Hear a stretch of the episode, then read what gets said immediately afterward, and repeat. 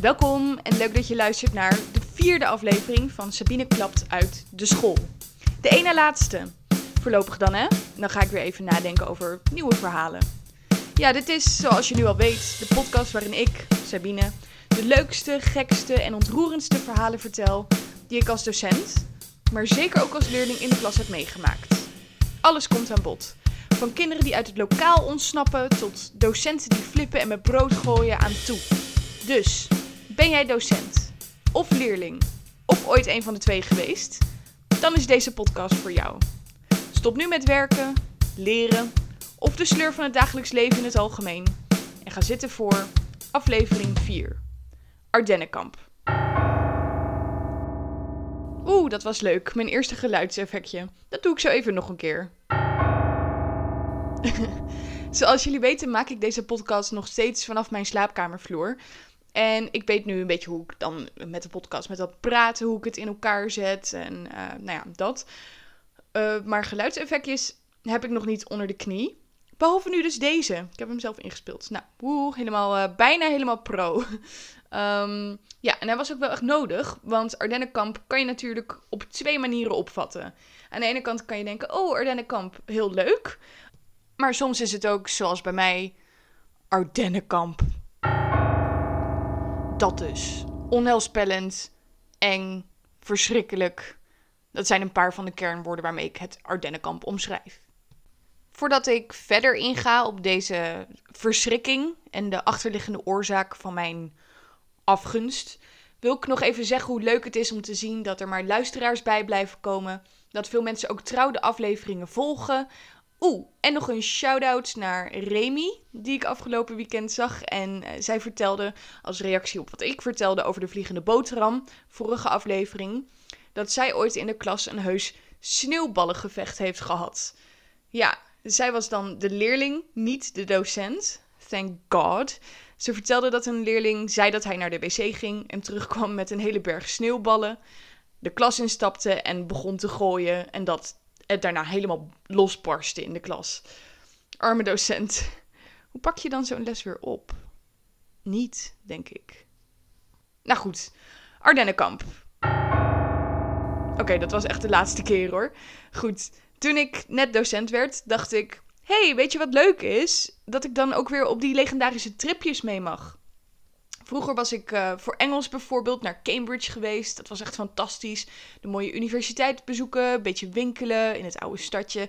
Met zo'n houten bootje varen door de groene natuur. Uh, Oeh, en ik verbleef toen bij een gastgezin. Een opa en een oma. En de opa was in het verleden melkboer en bokser geweest. Ja, heerlijke combi toch? Nou, en een dagje Londen en zo. Nou, dus ik ging lesgeven en dacht, leuk, want ik ben Engels docent en mag ik ook mee op zo'n tripje naar Engeland. Ik wist dat de school waar ik ging lesgeven tripjes naar Londen maakte, dus ik dacht, oeh, hartstikke leuk. Maar toen kwam ik er na een paar weken al gauw achter dat ik helemaal niet naar Engeland zou gaan. Nee, de Londenreis was alleen voor leerlingen uh, uit 4 HAVO en alleen HAVO-docenten zouden meegaan. Maar werd gezegd, niet getreurd, jij gaat ook nog op reis. Jij mag lekker met jouw klasse op Ardennenkamp. Ja, sorry, ik kon het geluidseffect toch weer niet laten, maar het paste gewoon echt even heel goed. En dit was echt de laatste keer. De reden dat ik het niet top vond, gaat terug, jawel, weer naar mijn vroegere klas 3. Ja, ik zei het toch, wat een rijk jaar en inspiratie was dat. In klas 3 gingen wij namelijk ook op Ardennenkamp. En de aanloop daar naartoe was al fantastisch. Alle scholen in de omgeving gingen namelijk ook naar de Ardennen, maar dan begin september in bungalowtjes of blokhutjes. Onze school, echter, juist de school met de bleke, nog niet geheel fysiek ontwikkelde gymnasiumkinders, besloot om niet in september, maar halverwege oktober, en niet in bungalows of blokhutten, maar in tenten naar de Ardennen te gaan. Nou, de reclamebrochure schrijft zichzelf. Ik zou mezelf, nou, niet per se een luxe poes noemen. Maar ik had tegen die tijd al sinds mijn achtste uh, op de camping in Zuid-Frankrijk niet meer gekampeerd. En ik zat daar met meerdere van dezelfde mindset. Dus van tevoren hadden wij al enigszins frisse tegenzin opgebouwd. Maar goed, dat het zo erg zou worden, wisten we nou ook weer niet. Goed, ik Ik weet nog dat we daar aankwamen, uit de warme touringbus gekeild werden, tassen erachteraan, deuren achter ons dicht. En dat is de laatste keer in vier dagen geweest dat ik een gevoelstemperatuur van boven de 10 graden heb gehad. Met de meiden moesten we in een grote, schimmelige legertent slapen met z'n vijftienen. En ik weet nog dat ik s'nachts met mijn zaklamp aan de binnenkant van de tent scheen en ijs op het doek zag zitten. Ook mijn knuffel teddybeer, die ik had meegenomen voor mental support, heeft er flink onder geleden. Ik weet nog dat hij helemaal kraakte en half bevroren was als je die neus zo indrukte. Traumatisch. Iemand had ook een keer een onderbroek over de scheerlijn gehangen om te laten drogen, maar was vergeten die s'nachts van de lijn af te halen. En de volgende ochtend hing dat ding daar recht en versteend. En aangezien iedereen er natuurlijk om moest lachen, ja, gelukkig konden we dus nog lachen. Um, nou ja, die onderbroek heeft daarom, omdat niemand hem durfde te claimen, um, nog de rest van de trip gehangen. Verder hebben mensen die trip nauwelijks of niet gedoucht of zich ook maar omgekleed omdat we het gewoon te koud vonden om onze kleding uit te doen. Al was het maar voor even. Ja, bedenk je wel, we waren 15, hè, dus ook een beetje dramatisch. Maar toch. En het erge was nog dat de kampleiding, dat waren niet onze docenten, maar dat waren eigenlijk nog jongeren van een aparte organisatie die daar in de Ardennen zat voor begeleiding van dit soort tripjes. Zij hadden een verwarmde tent, waarin ze haast elke avond aan het frituren waren. Maar wij mochten die tent absoluut niet in. Verboden terrein. Wij zaten dan aan lange tafels in de buitenlucht en moesten dan een beetje toekijken hoe zij daar knus in de verwarmde tent aan de patat zaten. Wel complimenten aan de docenten. Die zaten in mijn herinnering eigenlijk altijd gewoon bij ons aan de bevroren chocoladehagel. Het enige comfort dat de docenten hadden was dat ze met z'n tweeën een tent konden delen in plaats van met z'n vijftienen. En dat ze een echt bedje hadden in plaats van een matje. Waar we eigenlijk niet zoveel aan de suffe, patatbakkende jongeren hadden, die dus voor die organisatie in de Ardennen werkten, deden de docenten wel zoveel mogelijk met ons mee. Naast het zeiken over hoe erg de kou wel niet was, hadden we ook nog andere activiteiten om te doen. Onze reis was flink volgepland. Zo wisten we al dat we flink zouden gaan wandelen, we zouden speurtochten doen, gaan tokkelen, hindernisbanen afleggen, fietsen. Dat is allemaal nog wel leuk en zou je goed afleiden van de kou. Waar ik het meest tegenop zag was de nachtelijke dropping, waarin je dan zelf je weg terug naar het kamp moet vinden. Maar waar ik wel echt zin in had, was de allereerste activiteit die we de dag na aankomst zouden doen. Bootje varen. Dat, dat is leuk, dacht ik. Fijn. Het was die eerste dag oprecht ook nog lekker weer. Ik gok zo'n 10 graden, met een zonnetje, hier en daar wat wolkjes. Dus met onze groep, vergezeld door twee leraren, een van wiskunde en een van gym, en twee kampbegeleiders, van die nietsnutten dus, trapten we dauw plat en liepen we naar een open veldje naast de rivier. Eenmaal daar werden we in groepen van twee opgesplitst. De boten waren nog nergens te bekennen. Nee, zeiden de kampbegeleiders, geen boten. Jullie gaan vlot varen. En die vlotten gaan jullie zelf bouwen. Oh, natuurlijk. Nee, ja, nee, niks gaat vanzelf, hè? Dachten we. Zo keken we elkaar ook allemaal aan. Aan de andere kant van het veldje lagen planken, touwen en blauwe tonnen. Met samengeknepen oogjes van de zon, maar armen nog over elkaar heen van de kou, keken we een beetje achterloos over onze schouder naar het hoopje grof vuil dat ons vlot zou moeten vormen. Kom op, zei een van de kampleiders. Aan de slag. Ja, maar hoe dan? vroegen een paar van ons. Daarop gaven de kampleiders ons een soort IKEA-handleiding voor hoe je de boot in elkaar moet zetten.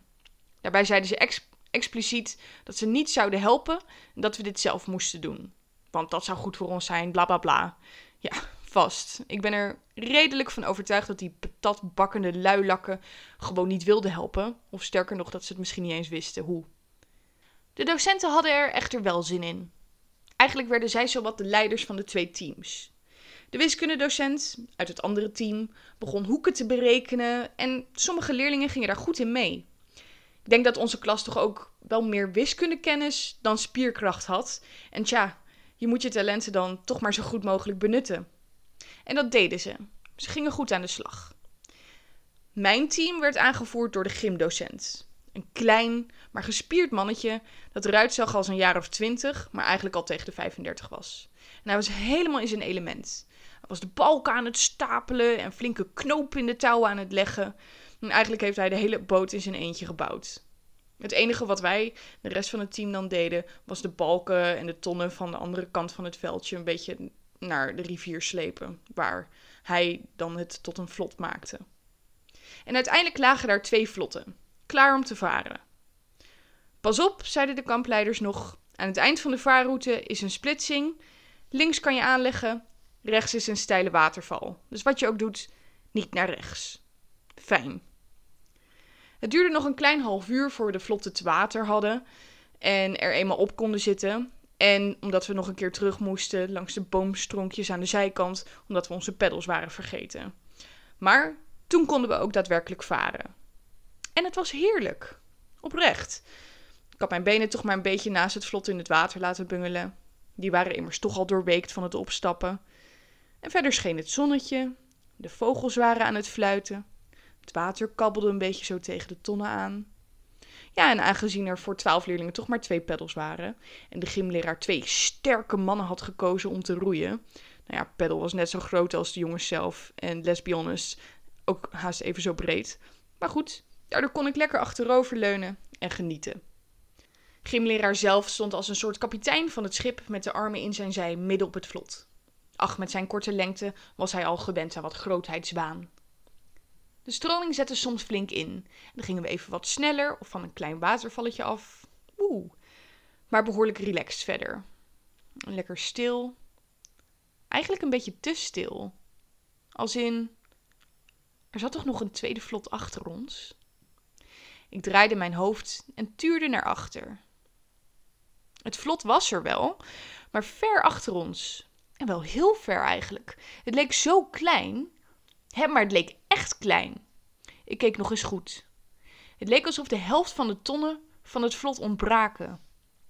De berekeningen van de wiskundedocent hadden in praktijk dus weinig geholpen. En nu ik beter keek, zag ik ook maar de helft van de mensen en ook geen wiskundedocent.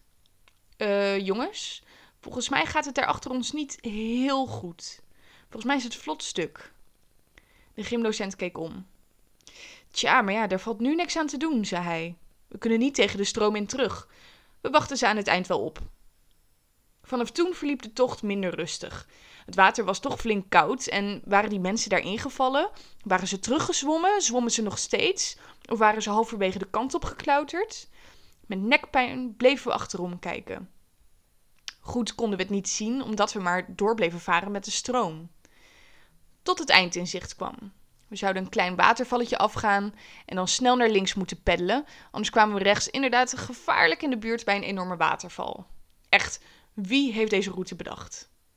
Dus wij peddelen en spetteren met onze armen en twee peddels en redelijk soepel, soepel leggen we aan bij de oever.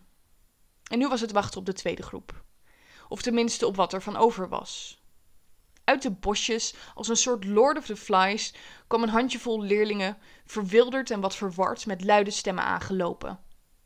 Takjes en modderstrepen in de kleding en soppende schoenen om de look compleet te maken. Luidkeels en klappertandend en buiten adem vertelden ze om de beurt hoe na enkele minuten de knopen van de touwen los begonnen te raken en de wiskundedocent, samen met de eerste ton, als eerste van het vlot was gevallen.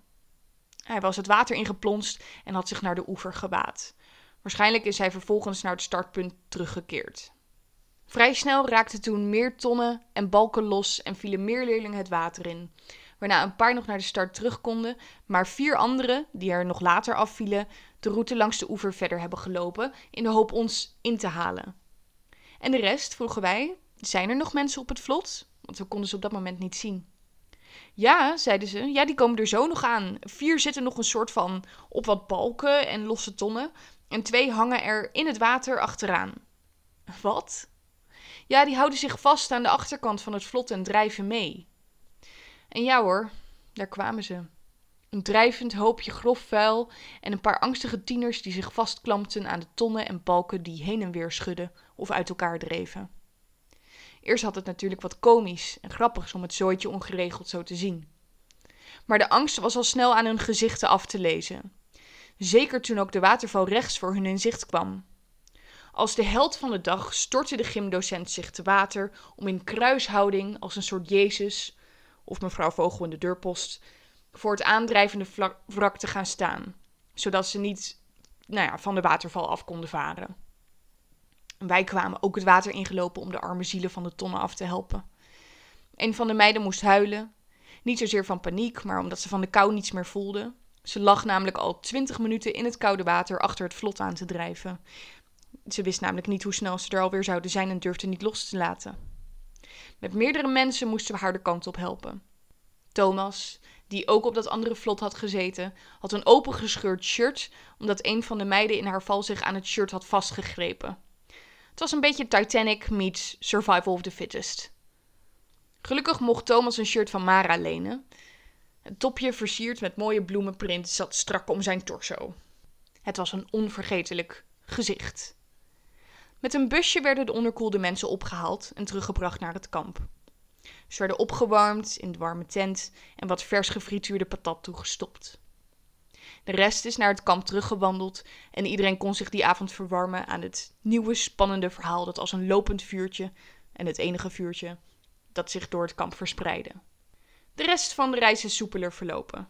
En geloof het of niet, maar we hebben het ook echt leuk gehad. Al blijft die herinnering aan het vlot toch wel de rest domineren. Na onze editie van het kamp heeft de school het Ardennenkamp flink veranderd.